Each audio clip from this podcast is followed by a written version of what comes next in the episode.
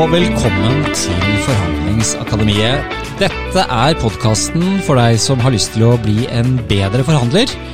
Og lære deg om forhandlingsteknikk og lære om hvordan du kan bli en bedre forhandler både på jobben og i privatlivet. Mitt navn er Eivind Arntzen, og jeg har lyst til å være din guide på denne reisen inn i forhandlingsteknikkens spennende verden. Min bakgrunn for å være denne guiden, det er at jeg har jobbet som advokat i ja, det har blitt 16 år nå, vel, i hvert fall. Eh, og har selvfølgelig forhandlet mye i jobben som jeg har, og vil jeg dele noen eksempler eh, og erfaringer fra min praksis som advokat. Men jeg har også brukt en god del tid på å lære meg om forhandling og forhandlingsteknikk ved å studere Eh, forhandlingsteori. Og det er jo det det handler om på denne podkasten, eh, å få formidlet til deg en del av den eh, forhandlingsteorien som finnes der ute. Det er veldig mye spennende, og jeg håper jo at det skal gjøre at du blir en bedre forhandler, sånn at ved å følge med på denne podkasten, så kan du steg for steg lære deg å bli rett og slett bedre til å forhandle og få bedre resultater. Eh, dette er altså episode to av Forhandlingsakademiet. Og hvis du har hørt episode én, så er det veldig hyggelig at du er med her videre. Eh, jeg beklager at det tok litt lengre tid å lage episode to enn jeg hadde sett for meg da episode én ble sluppet, men sånn er det. Det har vært en del som har skjedd både i liv og verden, men nå er vi i hvert fall klare med en ny episode. Og Hvis dette er den første episoden du hører på, så vil jeg bare si det at eh, jeg anbefaler at du går tilbake og hører den første episoden først, rett og slett fordi denne podkasten er bygd opp som en serie. Det er i hvert fall planen med med Forhandlingsakademiet. Det er å bygge opp dette som en serie hvor det er en rød tråd. Jeg har rett og slett hatt som mål å lage en forhandlingspodkast som er den podkasten jeg gjerne ville ha hørt selv da jeg begynte å lære meg om forhandlingsteori. Så eh, da er det en tanke med hvordan vi bygger opp episodene, og da er det en fordel å begynne med den første leksjonen i Forhandlingsakademiet.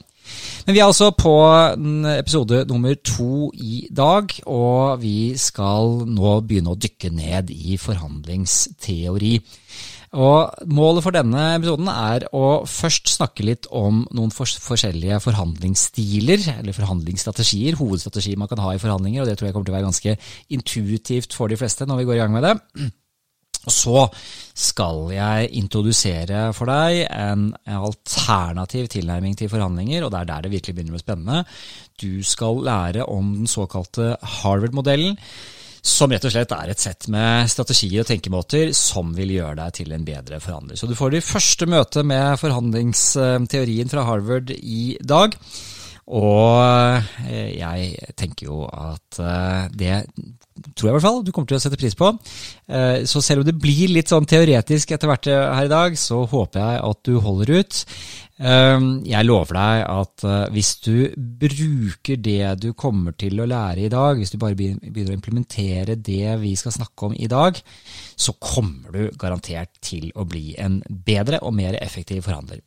Men jeg må samtidig si det, at hvis du først og fremst hører på denne podkasten for å lære noen sånne type dirty triks for å lure eller manipulere en forhandlingsmotpart, så er kanskje ikke dette podkasten for deg. For eh, jeg prøver å bygge opp dette her på en måte hvor vi eh, tar, tar tak i den, eh, si, den, anerkjente forhandlingsteorien som vi vet fungerer, og som, som brukes av store Fortune 500-selskaper og av diplomater, og vet bl.a. at Jonas Gahr Støre er en av de som har vært på, på Harvard og lært disse tingene som vi snakker om på denne podkasten. Mange som har gjort det, meg selv inkludert.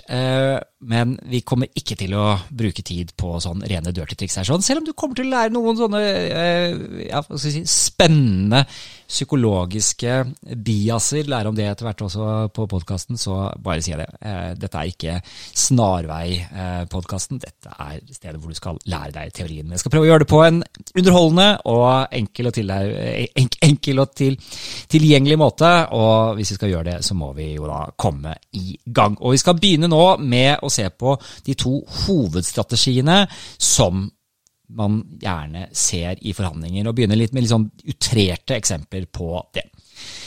Den ene modellen, det er den myke stilen. Den handler om enten det å få eller å holde på en god relasjon til den du forhandler med. Liksom, det er veldig fokus på det myke og, og relasjonsbyggende. Eh, og det er vel den tilnærmingen de fleste av oss har når vi diskuterer og forhandler med venner og familie. Og jeg tenker at det har jo på mange måter eh, gode sider ved seg, det. Men det er klart at i forhandlinger så er det også sånn at det å ha en veldig myk tilnærming kan ha sine ulemper. For hva gjør den myke forhandleren når man møter den andre erketypen, nemlig den harde forhandleren? Altså den harde forhandleren, den kompromissløse forhandleren, den som går aggressivt ut og bare øker trykket derfra. Vi kjenner jo alle typen, ikke sant. Eh, et eksempel er jo selvfølgelig en viss amerikansk eh, ekspresident, men den type forhandler, den møter vi overalt. Og her er det kanskje greit for meg å komme med en innrømmelse også, og si at tidlig i min karriere, begynner jo dette å bli noen år siden, men tidlig i min karriere så trodde jeg at dette var den riktige måten å gå fram på. Det var litt som sånn jeg hadde sett på film, og som ung fullmektig så ble jeg altså lært opp til at det beste var å angripe først, eh, og bruke alt man kunne av trusler og teknikker eh, for å prøve å oppnå et ønsket resultat. Og jeg må si det at For å rettferdiggjøre det som strengt tatt var ganske udannet oppførsel fra min side, så tilskrev jeg at dette var en nødvendig del av jobben som advokat. For det handlet jo om å kjempe for klienten. Og noen ganger så gikk dette også faktisk helt strålende. Jeg kan se tilbake på og tenke på noen forhandlinger hvor eh, det definitivt gikk en kule varmt, men hvor jeg også kom ut med en veldig god avtale for klienten. Og eh, mange av de sakene jeg hadde de første årene da jeg var advokat, eh, var jo eh, arbeidstakere som sto i en eller annen form for konflikt. Jeg jobber til daglig med arbeidsrett, og, og de første årene så jobbet jeg veldig mye med arbeidstakere. Eh, og i den rollen man har som arbeidsrettsadvokat, så kjemper man jo, eh, spesielt når man er på arbeidstakersiden, for de ansatte. Og det er nok litt eh, rom også for å være litt tøff og aggressiv. Det er liksom litt det som ligger i rolleforventningen. Eh, og i de tilfellene hvor det fungerte, så var det nesten ikke grenser for hvor fornøyde klientene var. Mange fikk en raus sluttpakke og følte at de liksom hadde fått tatt igjen overfor arbeidsgiver. Problemet med å kjøre den stilen fullt ut er jo at eh, i, min, i, min, situasjon, altså, hvis ikke vi fikk til en løsning, så ble det jo å gå til retten. Eh, og da mister du kontroll over løsningen. Da overlater du til domstolene å finne en løsning. Og i den prosessen så bruker man tid, det er mye frustrasjoner, eh, det går med penger, begynner, altså risikoen blir større. Og det som i hvert fall også er sikkert, er at man brenner en god del broer. Og Hvis man ser på arbeidskonflikter igjen, da, så vil jo det å eh, ta sin arbeidsgiver til retten f.eks. vil jo neppe være noe som gir grunnlag for et eh, langt og fruktbart eh, arbeidsforhold. Det kan kompenseres i penger, men eh, det er en del kostnader, en del transaksjonskostnader for å si det sånn, eh, ved å ha den tilhemmingen. Men så er det også sånn at hvis du hvis du prøver å hele tiden kjøre den aggressive stilen, så for det første så tror jeg du får et ganske dårlig rykte. Men eh, du vil jo også oppleve at det er en del som rett og slett ikke orker å ha noe med deg å gjøre.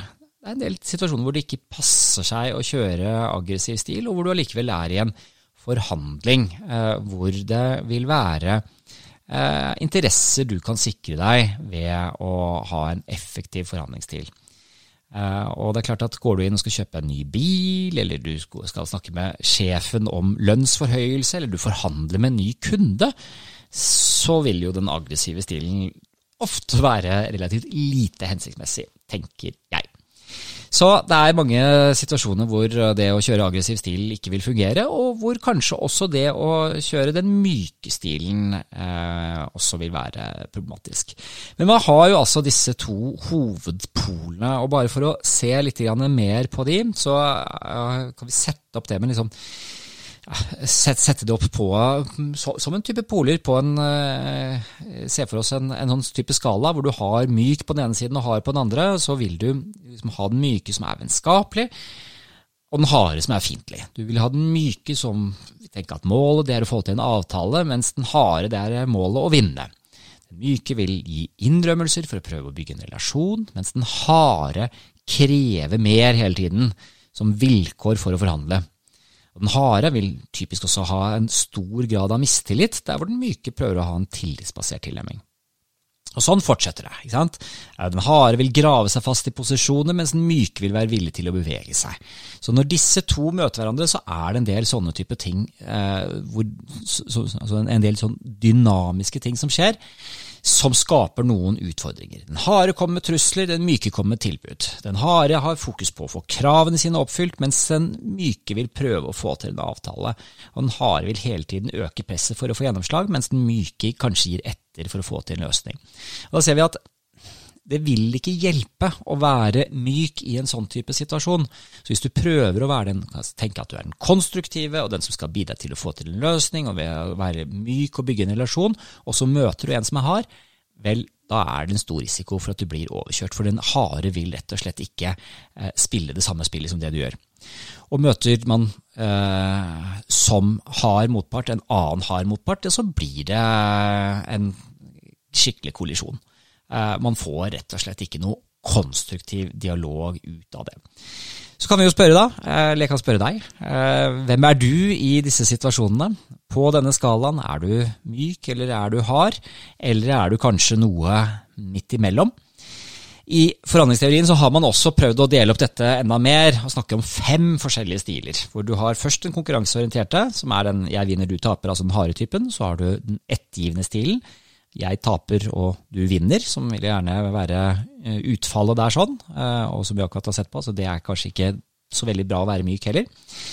Den unnvikende stilen er liksom den som ikke orker å gå inn i forhandlinger i det hele tatt. Jeg taper og du taper, vil være resultatet der.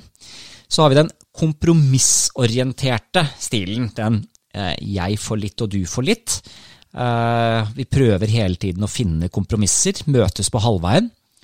Eh, det er en bok som heter Never Split the Difference, som er skrevet av den amerikanske forfatteren Chris Woss. For, for øvrig en, eh, en, bra og spennende bok. Men den tar nettopp opp dette dilemmaet med at eh, det å bare skulle være ute etter å se på kompromisser, at det vil være utfordringer knyttet til det. Men det å lete etter kompromisser er en veldig vanlig måte å forhandle på. Det er kanskje den vanligste stilen, og det man tenker på, i hvert fall de som, de, de som prøver å ha en kompromissorientert tilnærming, tenker at det er den fornuftige stilen. Den møter jeg i min hverdag som advokat, eh, f.eks. i rettsmekling. Hvor eh, en dommer som kan komme inn som mekler, typisk vil si sånne ting som at eh, ja, et godt forlik er når begge parter passer misfornøyde. Men det er jo ikke et godt forlik, er det det, da? Altså, eh, skal jo ikke ha som mål å gå ut av en, eh, en situasjon hvor man er misfornøyd. Eh, den siste av de fem hovedstilene som man har, er den samarbeidsorienterte, eh, som vel eh, da vil være den som er å foretrekke av disse. Den går på at hvis vi samarbeider, så kan vi finne en felles løsning. Det er vinn-vinn-tilnærmingen. Eh, og den har altså, som jeg er inne på, den har jo elementer som er fine. Men så uh, er det også sånn at uh, det finnes en annen tilnærming til det å forhandle enn bare å skulle gå inn i en av disse rollene. Uh, og det er her vi kommer til det som jeg syns er så fascinerende med forhandlinger, og det som er et av hovedmålene med denne podkasten, det er å se på er det noen annen måte enn disse stilene. I hvert fall er det noe annet enn disse to hovedpolene som vi snakket om, enten å være den harde eller å være den myke. Og eh, det er jo her eh, eh, vi er på den moderne forhandlingsteknikken, som først ble beskrevet i boken 'Getting to Yes' fra 1981, som ble skrevet av forfatterne Fisher og Uri, som senere grunnla uh, Program of Negotiation, eller Program on Negotiation, PON, uh, ved Harvard Law School.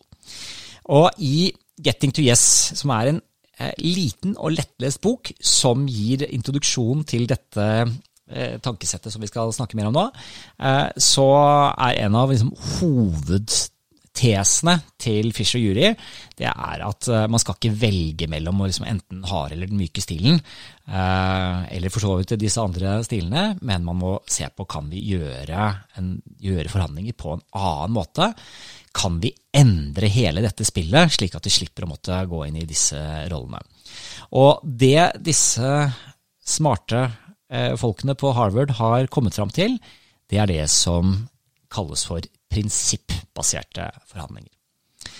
Og denne alternative tilnærmingen, den, eh, altså, altså den prinsippbaserte forhandlingen, det var altså noe som kom på Harvard Negotiation, Negotiation Project på, først på begynnelsen av 70-tallet og ble da beskrevet til, i denne boken.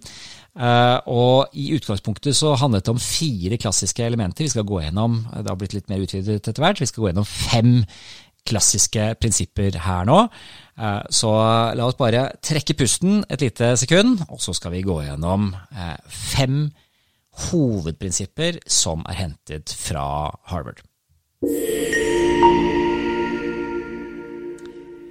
Og det første prinsippet som eh, vi møter innenfor Harvard-modellen, det er å skille menneskene fra problemene. Og eh, hvis man ser for seg at du hadde to datamaskiner som satt og forhandlet, så kunne nok algoritmer og AI ha tenkt ut alle mulige utfall, vurdert forhandlingsstyrke osv., sett på alle mulige parameter og gitt et slags fasitsvar, men sånn er jo ikke verden. For hvis du sitter i en forhandling, så er det mennesker på begge sider av bordet. Og Det er jo det vi har sett på også med mennesketyper, med den, den myke eller den harde forhandleren. Uh, og det er klart at det at vi er mennesker, det er jo mennesker av kjøtt og blod, det har sine gode sider, det, men det har også noen mindre gode sider. Det handler bl.a. om følelser, enten det er aggresjon eller hat eller frykt eller fascinasjon. Så Oi, her kom det en lyd til, ikke sant? Uansett, uh, den tar vi med oss. Uh, uansett i en sånn situasjon, så er det masse følelser, hvis det er, i hvert fall hvis det er litt sånn opphetede forhandlinger. Og i eh, en sånn type situasjon så vil enten empati eller antipati kunne påvirke resultatet av forhandlingene.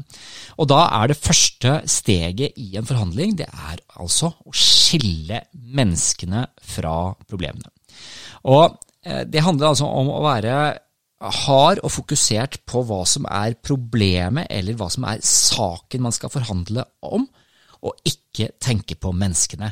Og Det er veldig lett å si dette, men det er veldig vanskelig å gjøre i praksis. fordi det typiske som vi gjør i en forhandling, det er at vi blir veldig opptatt av denne forhandlingsmotparten, den andre som sitter der sånn, og trekker inn veldig mye irrasjonelt inn i forhandlingene.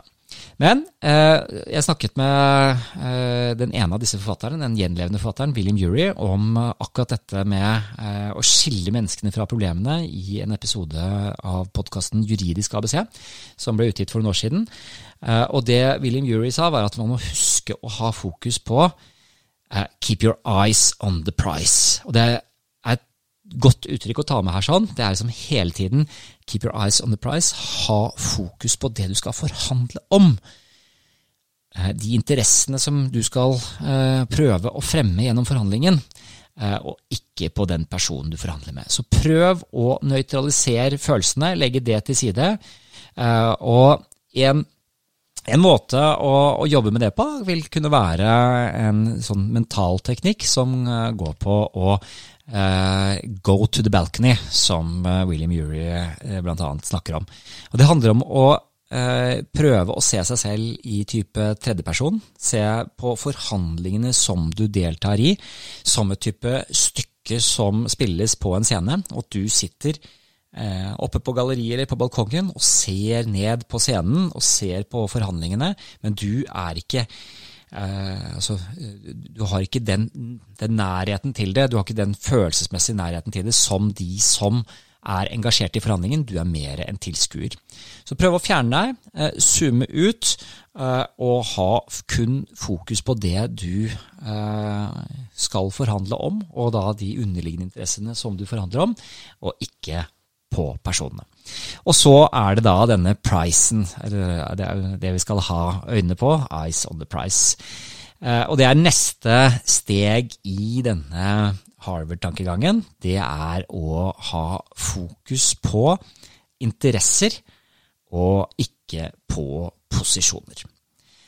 Og hva menes så med det? Jo, det handler jo rett og slett om at i veldig mange forhandlinger så snakker vi om posisjonene. Altså hva er det du ønsker, hva er det du krever, hva er det motparten må gi? Eh, eh, og er veldig sånn eh, ja, rett og slett fokusert på akkurat det som er betingelsene man ønsker å ha inn i eh, avtalen.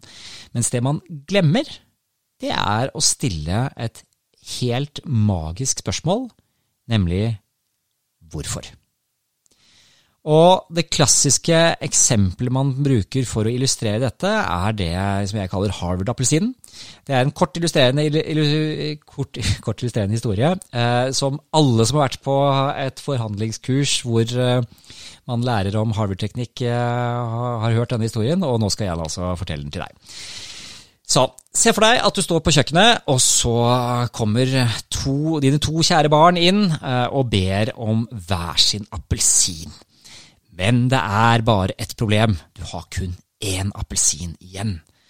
Hva gjør du i den situasjonen? Og der er du jo på dette med eh, kompromissbaserte forhandlinger og kanskje problemene med det. Og det er jo at det første man tenker da, er kanskje ja, men da får vi dele appelsinen i to. Split difference. Hver av, eh, hver av barna får en halv appelsin. Men hva skjer da hvis ingen av barna vil ha en halv appelsin? De vil ha en hel appelsin. Begge vil ha en hel appelsin, hvis ikke så kan det være det samme. Ja, hva er alternativene da? Kron og mynt, la de krangle, gå i butikken og kjøpe fler, eller kanskje ingen burde få appelsin, kanskje du burde ta og spise den selv. Og her kommer elegansen inn fra Harvard-teorien, da, og det er at eh, ingen av disse alternativene er riktige, fordi vi har glemt å stille det magiske spørsmålet, nemlig hvorfor skal du ha appelsinen? Eller hva er det du skal med den appelsinen? Og dette handler jo om at uh, appelsinen, det er posisjonen. Men spørsmålet er hvilke interesser er det som ligger under? Og så ser vi for oss da at det ene av barna ønsker å presse appelsinen for å få jus, mens den andre trenger skallet for å bake en kake. Det er klart at Dette er et veldig sånn enkelt og banalt eksempel, men det er også veldig illustrerende, fordi de fleste av oss i en sånn situasjon vil ikke tenke på å grave etter de underliggende interessene, man vil bare være opptatt av hvem skal få appelsinen, eller hvordan kan vi dele appelsinen. Men hvis den ene bare skal ha jusen, og den andre skal ha skallet, så er det jo fullt mulig at begge får sine interesser fullt ut imøtegått ved at man bare gjør en veldig enkel øvelse som handler om å stille spørsmålet hva eller hvorfor. Og det var steg to i Harvard-modellen.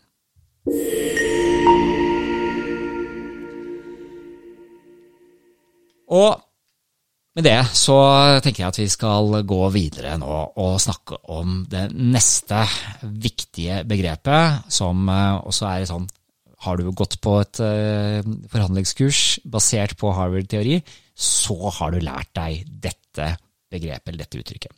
Vi skal snakke om BATNA. Og BATNA er en forkortelse for Best Alternative to a Negotiated Agreement. Og hva betyr så det? Jo, BATNA det handler om å stille spørsmålet hva blir konsekvensene hvis jeg ikke forhandler fram en avtale med den jeg forhandler med nå? Hva er da mitt beste alternativ til å få til en avtale?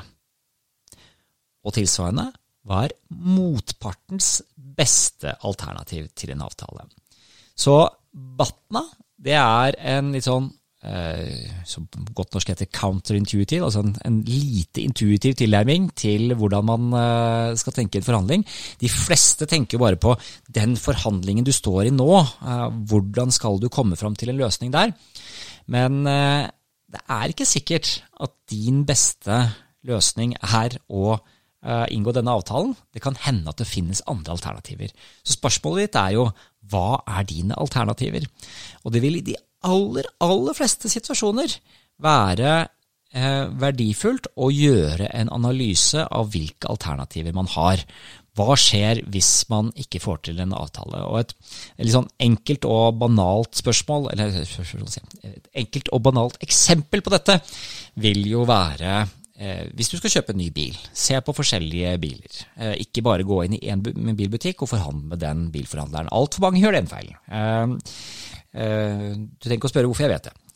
Og eh, tilsvarende hvis du skal bytte jobb, eller hvis du skal forhandle om bedre betingelser, hva er dine beste alternativer? Jo, det vil jo kanskje være at du bytter jobb, eller at du velger en annen arbeidsgiver. Og da vil det å kunne gjøre en analyse der av hvilke alternativer du har, eh, kunne gjøre at du har eh, bedre argumenter eller bedre alternativer på hånden, og at du sånn sett kan bygge deg en sterkere forhandlingsposisjon i min hverdag som advokat så vil jeg jo veldig ofte stå overfor situasjoner hvor det å gå til domstolen f.eks. vil være et alternativ. Og da det er, er jo det en viktig del av den jobben vi gjør når vi forbereder oss til forhandlinger. Det er å gjøre en analyse av selvfølgelig hvor sterk eller svak står vi i saken. Eh, men også hvordan vil det operativt og strategisk være hvis man går i gang med en rettslig prosess. I en del tilfeller så kan det faktisk også være sånn at det kan være eh, et veldig godt alternativ å kjøre en sak inn for domstolene, fordi man kan oppnå en del fordeler ved å velge det sporet. Samtidig som jeg skal være veldig tydelig på at uh, vi som advokater har også et ansvar for å prøve å finne løsninger i konflikter, og det gjør man jo i de fleste tilfeller også. Men det handler i hvert fall om å gjøre denne analysen av hva er det beste alternativet til å få til en fremforhandlet avtale. Hva er din batna? Og Han sier jo det da gjerne at batnaen kan brukes både som et sverd og et skjold. altså Den kan brukes både offensivt og defensivt. Så du kan jobbe selv med din egen Batna, styrke din egen Batna. F.eks. ved å ha flere forhandlinger gående samtidig. Bare tenk på offentlige anskaffelser som et eksempel. Det er sånn, Hvordan det offentlige sånn sett uh, hele tiden prøver å ha flere alternative leverandører. Det er jo et uttrykk for litt sånn samme type tilnærmingen, men det kan brukes også i andre situasjoner. Uh, og, du kan bruke det uh, for å beskytte deg, og du kan bruke det altså mer offensivt. Du kan bruke det ved å Eh, vise til motpartens alternativer hvis de er dårligere. Så hvis du gjør en analyse av hvordan motparten står, og hvilke alternativer motparten har, så vil det også kunne være en tilnærming der. Sånn. Så det var i hvert fall en første introduksjon til dette med Batna. Eh, et eh, begrep som er veldig mye brukt innenfor forhandlinger. Og når vi skal snakke om å forberede oss til forhandlinger senere i denne podkastserien, for jeg tenker vi skal ha en episode om det, hvordan skal du forberede deg på best mulig måte til en forhandling, så vil det å gjøre en analyse av Batna være en del av det vi skal snakke om der. Neste steget i Harvard-modellen det er å se etter muligheter for gjensidige fordeler. Så spørsmålet her er det mulig om å bli enige om noe som begge parter kan ha en fordel av. Og Det er jo sånn som høres eh, Det høres veldig fint ut, og det høres veldig enkelt og greit ut, eh, men dette er kanskje noe av det vanskeligste når det gjelder forhandlinger. Eh, det er ikke vanskelig å være hard, det er ikke vanskelig å være tøff, det er ikke vanskelig å kjøre en offensiv stil, men det kan være vanskelig å finne de geniale forhandlingsløsningene eh, som gjør at du snur hele forhandlingssituasjonen. Men poenget med dette steget, dette med å se etter muligheter for gjensidige fordeler, det er å prøve å brainstorme og tenke litt. Kan vi være kreative? Kan vi finne noen gode, kreative, alternative løsninger her som gjør at begge parter kan komme godt ut av forhandlingen? Og dette må ikke forveksles med den kompromissbaserte tilnærmingen, denne vi møtes på midten. Det er ikke det det handler om. Dette handler om å se på kan vi få noe mer ut av kaka. Og Jeg tenkte jeg skulle gi et eksempel på det, um, hentet fra egen erfaring. For noen år siden så satt jeg i styret i et advokatfirma som var i god vekst. Jeg sitter for så vidt også i et uh, advokatfirma som har en god vekst nå, så uh, det må også tas med. Men dette var da for noen år siden hvor vi var et annet firma, og vi, vi hadde en veldig spennende periode. Men vi hadde et problem, og det var at kontorlokalene som vi satt i, de var i ferd med å bli for små. Så enten så måtte man liksom si at vi er så store som vi er, eller så måtte man kanskje se etter andre alternativer. Men så, en dag, så får vi høre eh, fra gårdeier at eh, det er et lokale i etasjen rett over. Rett over oss. Det var i ferd med å bli ledig. Og det var ikke like stort som det lokalet som vi hadde, men det var, eh, sånn kanskje 50-60% av den plassen vi hadde. Så det ville egentlig vært perfekt for å gi oss mer plass å vokse inn i. Men det var et problem. Og det var jo at det var Altså, dette er et kontorbygg, det er etasjeskiller, eh, og eh, det var ikke noe sånn åpenbar tilknytning mellom etasjene. Man hadde jo en felles, eh, man felles gangareal ute, og trapper og heiser og sånne type ting, men da vil man få en veldig sånn segregert kontorsituasjon. Så spørsmålet var liksom hvordan kunne man se på dette. Og det man fant ut av, var jo at eh, jo, det beste her sånn ville være å slå lokalene sammen. Rett og slett å kutte et hull i gulvet oppe, lage en trapp ned, integrere de to etasjene, sånn at man fikk et samlet lokale. Det ville være bra, men det ville jo også være en veldig dyr løsning. Og her kom problemet, fordi at dette kom til å koste ganske mye. Eh, og det ville jo også være sånn at i så, et sånt scenario så ville man måtte ha en reforhandling av eh, husleien eh, man hadde, og husleien på de nye arealene ville være høyere, for markedet hadde gått opp. Det hadde gått noen år siden kontrakten man satt på var inngått, så totalt sett så ville dette her fort bli en ganske dårlig, eller ganske dyr løsning. Men det var allikevel fristende, og vi gikk i forhandlinger med gårdeier. Og så eh, gikk vi noen runder, og så fant vi ut at det som var viktig for gårdeier her sånn, eh, det var å få synliggjort hvilket potensial denne gården hadde. For vi skjønte at eh, her var det en gårdeier som jobbet nå med å rigge denne gården for salg for syndikering inn med annen eiendom, for å, inn i en portefølje. Uh, og eh, da ville det å få fram eh, eh, utleiepotensialet for gården være viktig. Det er også lenge siden det var inngått noen nye kontrakter på denne gården, sånn at det å få eh, en ny eh, viktig kontrakt på plass ville være en stor verdi for gårdeier. Og det vi gjorde da, det var å rett og slett lage en trappeavtale i dobbel forstand. Eh, for det første så eh, ble vi enige om en avtale hvor eh, selve kostnaden ved å etablere den interne trappen, den tok gårdeier fullt ut. Det neste vi gjorde, var å få til en trappeløsning der husleien vår ble økt over noen år med en underprisning i, start, i, starten, men så at man gikk opp trappen til å få en høyere husleie mot slutten av perioden. Og det var denne høye husleien som da ville være viktig for gårdeier å ha, så at vi fikk en rabatt de første årene fra den såkalte altså veiledende prisen, som ville være den kontraktsmessige prisen, som gårdeier kunne bruke for sine regnestykker for å vise hvilken yield som eh, potensielt lå for denne gården. Så ved å se på Eh, det som i utgangspunktet var en litt sånn problematisk situasjon. En oppgradering som kanskje kostet mer enn det smakte for vår del, og en situasjon hvor alternativet for gårdeieren ville være eh, å prøve å finne noen andre leietakere som kanskje eller kanskje ikke ville kommet inn. Vi var også ganske solide, eller var solide leietakere. Det var et firma som hadde drevet i veldig, veldig mange år og, og hadde veldig stell på finansen. Og det var også et, selvfølgelig et poeng for hvor jeg kunne vise til hvordan man utviklet eh, leietakerne. Og selvfølgelig hvordan man holdt på som leietakere. For hvis ikke vi fikk mer areal, så kunne jo et, eh, et scenario også være at vi ikke forlenget vår kontrakt. Så der fikk man en løsning hvor vi eh, fortsatte å være leietakere, ekspanderte avtalen, og gikk inn på en avtale som hadde en høyere exit-punkt eh, på husleien, men hvor vi som, eh, som leietakere eh, jo fikk den rabatten som gjorde at det totalt sett ble en veldig veldig, veldig ålreit deal for vår del. Så vi var kreative, og gårdeier fikk vel eh, fram eh, verdiene i gården på en god måte. og eh, hvis ikke jeg husker helt feil, så ble den gården solgt også etter hvert.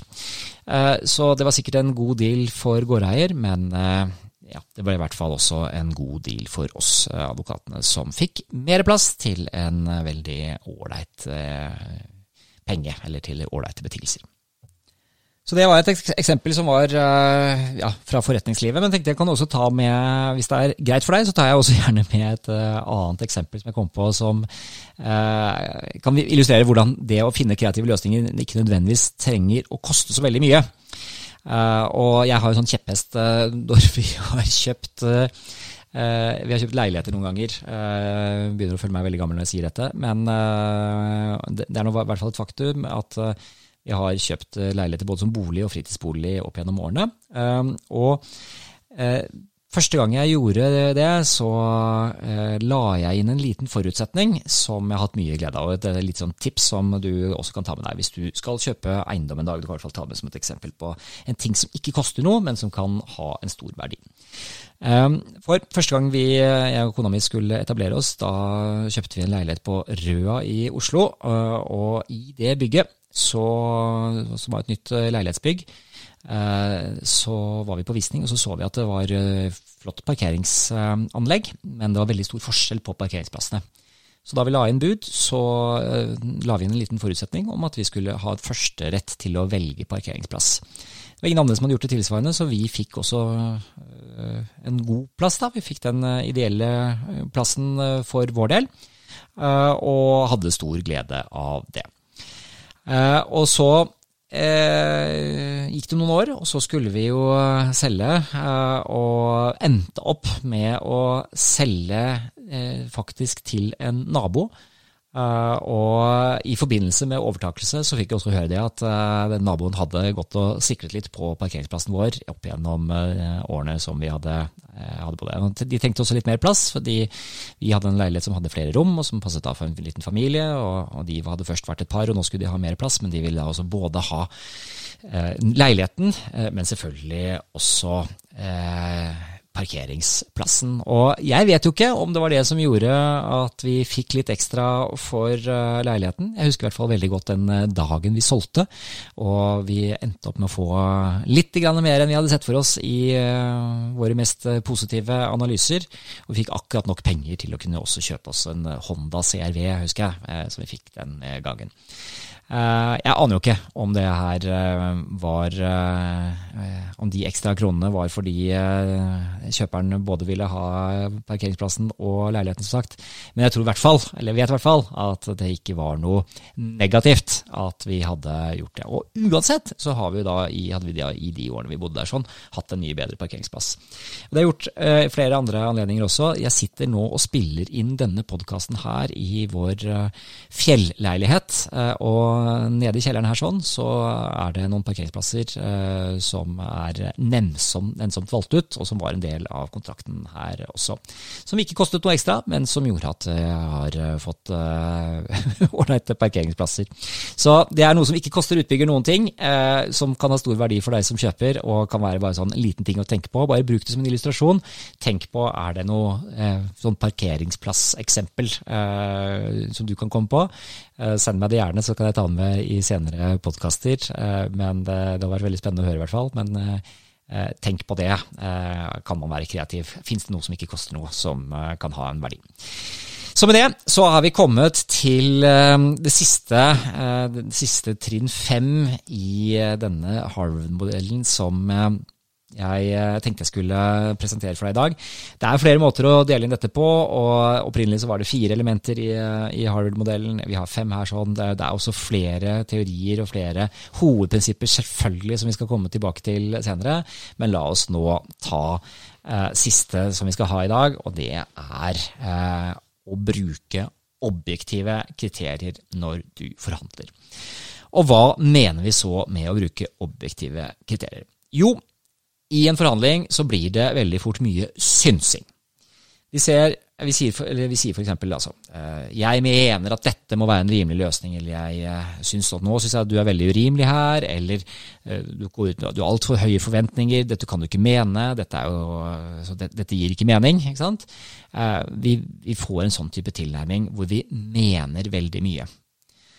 Men det hjelper jo ikke at man sitter og mener masse eh, hvis man ikke har noe mer å underbygge eh, det man eh, har av eh, ønsker og, og, tanker om å få til en løsning. Man må prøve å finne noen andre knagger å henge ting på. Og her er jo løsningen å finne fram til om det er noen objektive kriterier du kan, brukes, som du kan bruke for å få til et riktigere bilde av hva som er en riktig og rimelig løsning. Enkelt eksempel her sånn er hvis du skal forhandle bedre lønn, så er det jo veldig lurt å finne fram litt lønnsstatistikk for ditt yrke før du går i forhandlinger. Skal du forhandle prisen på en bil, så må du selvfølgelig ta, inn, ta en tur innom Finn eh, og ha det som en referanse. Vi kan gjerne også bruke det selvfølgelig inn i forhandlingene. Men da bør du vel samtidig også si at eh, vi vet alle det, at prisene som ligger på Finn, det er jo det som selger håper å få. I hvert fall når det gjelder uh, biler som ligger på, bruktbiler som ligger på Finn, så er det liksom Dette er uh, best case som selger håper på. Veldig sjelden du får en budkamp på toppen av prisene som ligger der. Som regel så blir det forhandlet ned. Eh, og det må man jo da sånn sett diskontere inn i det som bør være løsningen, men at det likevel vil være et referansepunkt, det er det ikke noe tvil om. og Da er vi også litt tilbake til sånn anchoring-tankegang som vi har vært inne på, men som vi også skal snakke mer om i senere episoder. Så eh, eh la meg også ta et annet eksempel her da, fra eh, min eh, erfaring som advokat. I eh, forhandlingene som vi har som arbeidsrettsadvokater, både utenrettslige forhandlinger, eh, men også når vi står i retten, så er det altfor ofte, vil jeg si, sånn at eh, advokatene snakker om hva er, liksom, hva er en rimelig løsning, og hva er det, eh, hva er det man bør ha av erstatning, og kanskje også oppreisningserstatning. Så viser man kanskje til noen dommer, og det er klart at det vil jo være typisk objektive data som kan brukes for å finne fram til en eh, riktig løsning. Eh, finne fram til en rimelig løsning i en sak. Men noen ganger så kan det også være grunn til å gå enda lenger. Og i en sak jeg hadde for noen år siden, så hadde jeg en klient som var um, helikopterpilot.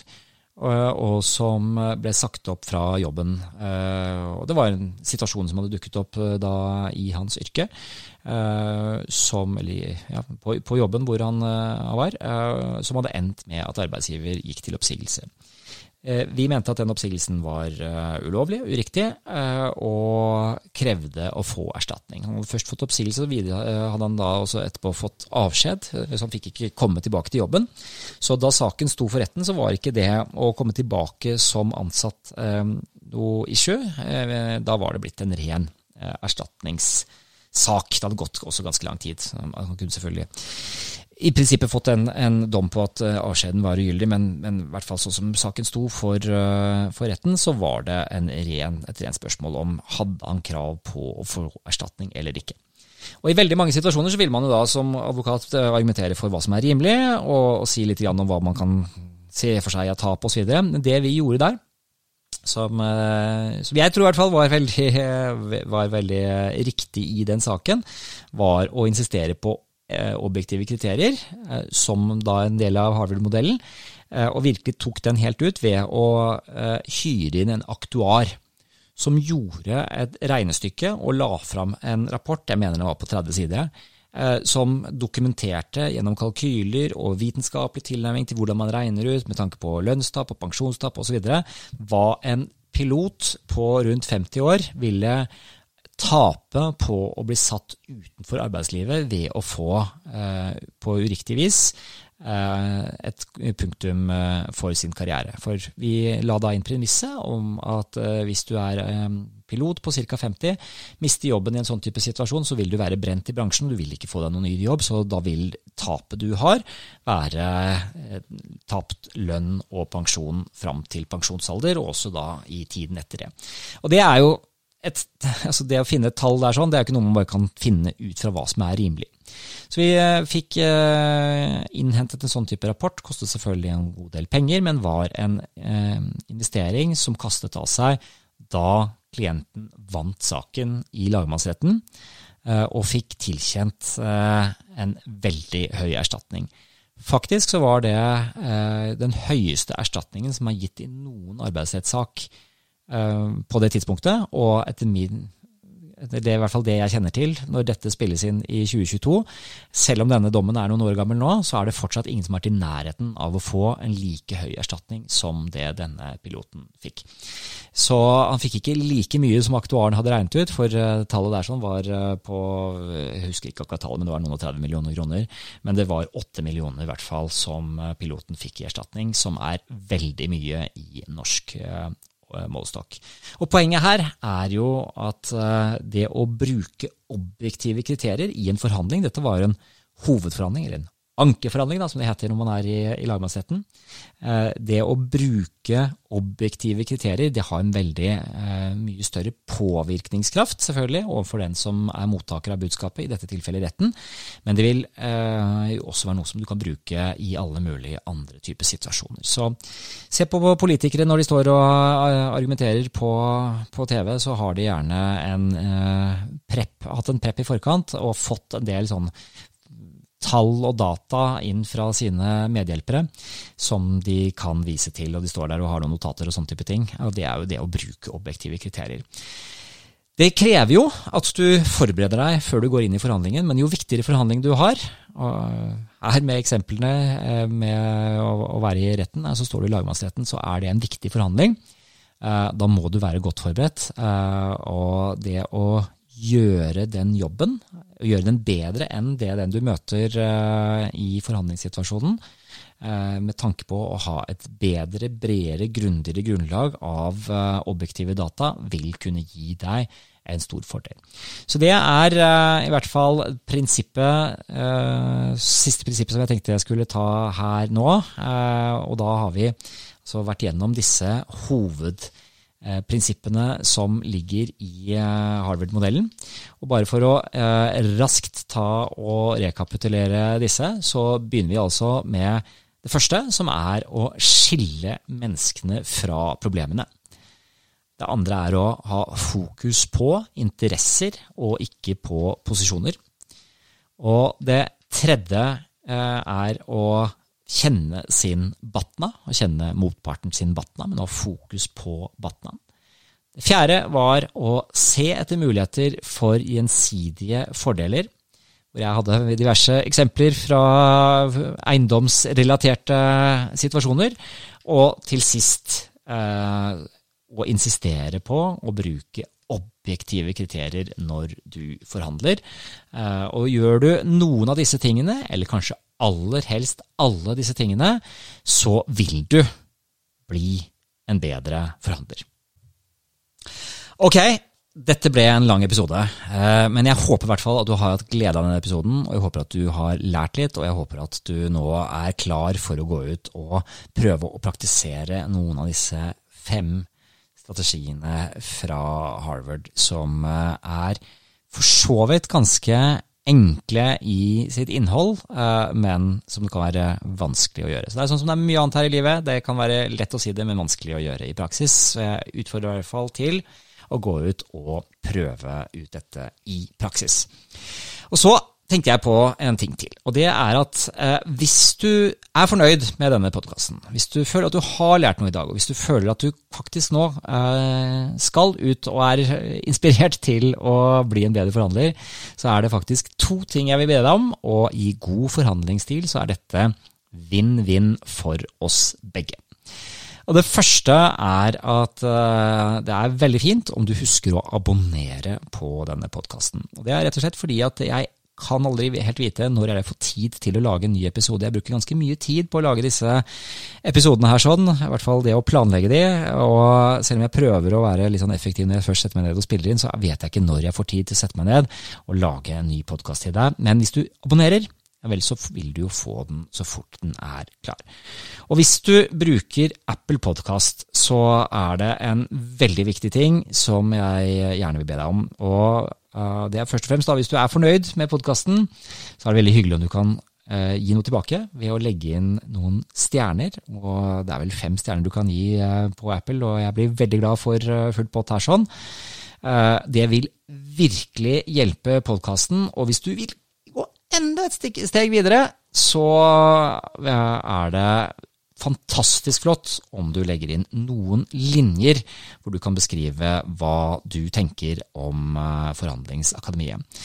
Og dette er virkelig vinn-vinn. Det hjelper podkasten, og det gjør jo at jo mer podkasten vokser, jo mer kan jeg bruke tid på dette, og jo mer vil jeg kunne dele med deg, og jo bedre kan du bli til å forhandle. Så la oss se på dette som et samarbeidsprosjekt, eh, og jeg er rett og slett avhengig av å få litt hjelp av deg, så hvis, hvis eh, du hjelper meg, så skal jeg fortsette å hjelpe deg. Og eh, hvis Eh, du virkelig vil eh, gå ett steg videre da, når det gjelder dette med forhandlinger og forhandlingsteknikk, så tenkte jeg bare skulle si det på slutten også. Husk at jeg underviser i forhandlingsteknikk, og jeg holder både fysiske og digitale kurs. Det har vært digitale kurs eh, under pandemien, kommer kanskje til å bli noe av det framover. Men nå er jeg først og fremst veldig glad for å være tilbake og holde fysiske kurs. Og jeg tenkte jeg bare skulle ta med det. Jeg hadde eh, veldig nylig en eh, intern sånn heldagsworkshop for et stort norsk selskap. Vi de hadde en fantastisk fin, morsom, spennende dag sammen. Med undervisning og oppgaver og sånne ting. Og på slutten ba jeg deltakerne om å svare på en anonym survey via SurveyMonkey, som er en fin tjeneste hvis du skal ha en liten sånn undersøkelse. I hvert fall Poenget var at uh, der ble deltakerne bedt om å gi en karakter på en skala fra én til seks. Hvor én var dårligst og seks var selvfølgelig best, og jeg fikk en gjennomsnittlig score på 5,6. Uh, deltakerne kunne også skrive kommentarer, og jeg har kommentarene her sånn. En som skriver 'fantastisk lærerikt', en sier 'meget inspirerende og gjennomtenkt', en sier 'nyttig for mitt arbeide'. Og jeg vil bare si det at Hvis du vil vite mer om hvordan jeg kan hjelpe din bedrift med å bli bedre på forhandlinger, og hvis du vil se disse referansene og vite hvordan jeg jobber med å hjelpe store norske foretak med å få bedre forhandlingskompetanse inn i virksomheten, så ta kontakt med meg. Eh, så skal vi se om vi ikke kan finne en løsning på det. Jeg eh, har ganske mye å gjøre nå den nærmeste tiden, men eh, dette er typisk ting som vi legger inn et stykke framover i tid.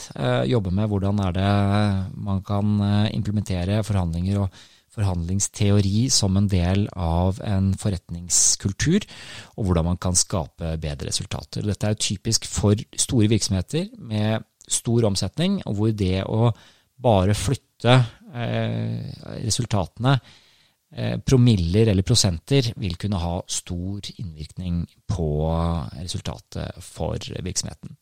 Så Uh, litt sånn egenreklame der sånn på slutten, men jeg tenkte det er greit å si det. Fordi at uh, innimellom så får jeg da henvendelser som er sånn uh, Kjenner du noen som kan holde forhandlingskurs, eller, eller kan du også kanskje holde et kurs?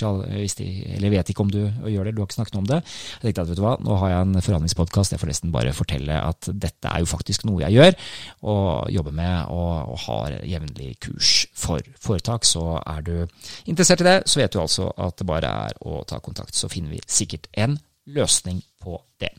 Men med dette så tenker jeg at det er på tide å si eh, takk for i dag. Eh, tusen takk for at du fulgte meg helt til slutten av Forhandlingsakademiet i denne episoden. Helt til slutt, husk at eh, livet er fullt av forhandlinger, og jo bedre du blir til å forhandle, jo bedre vil du lykkes i livet.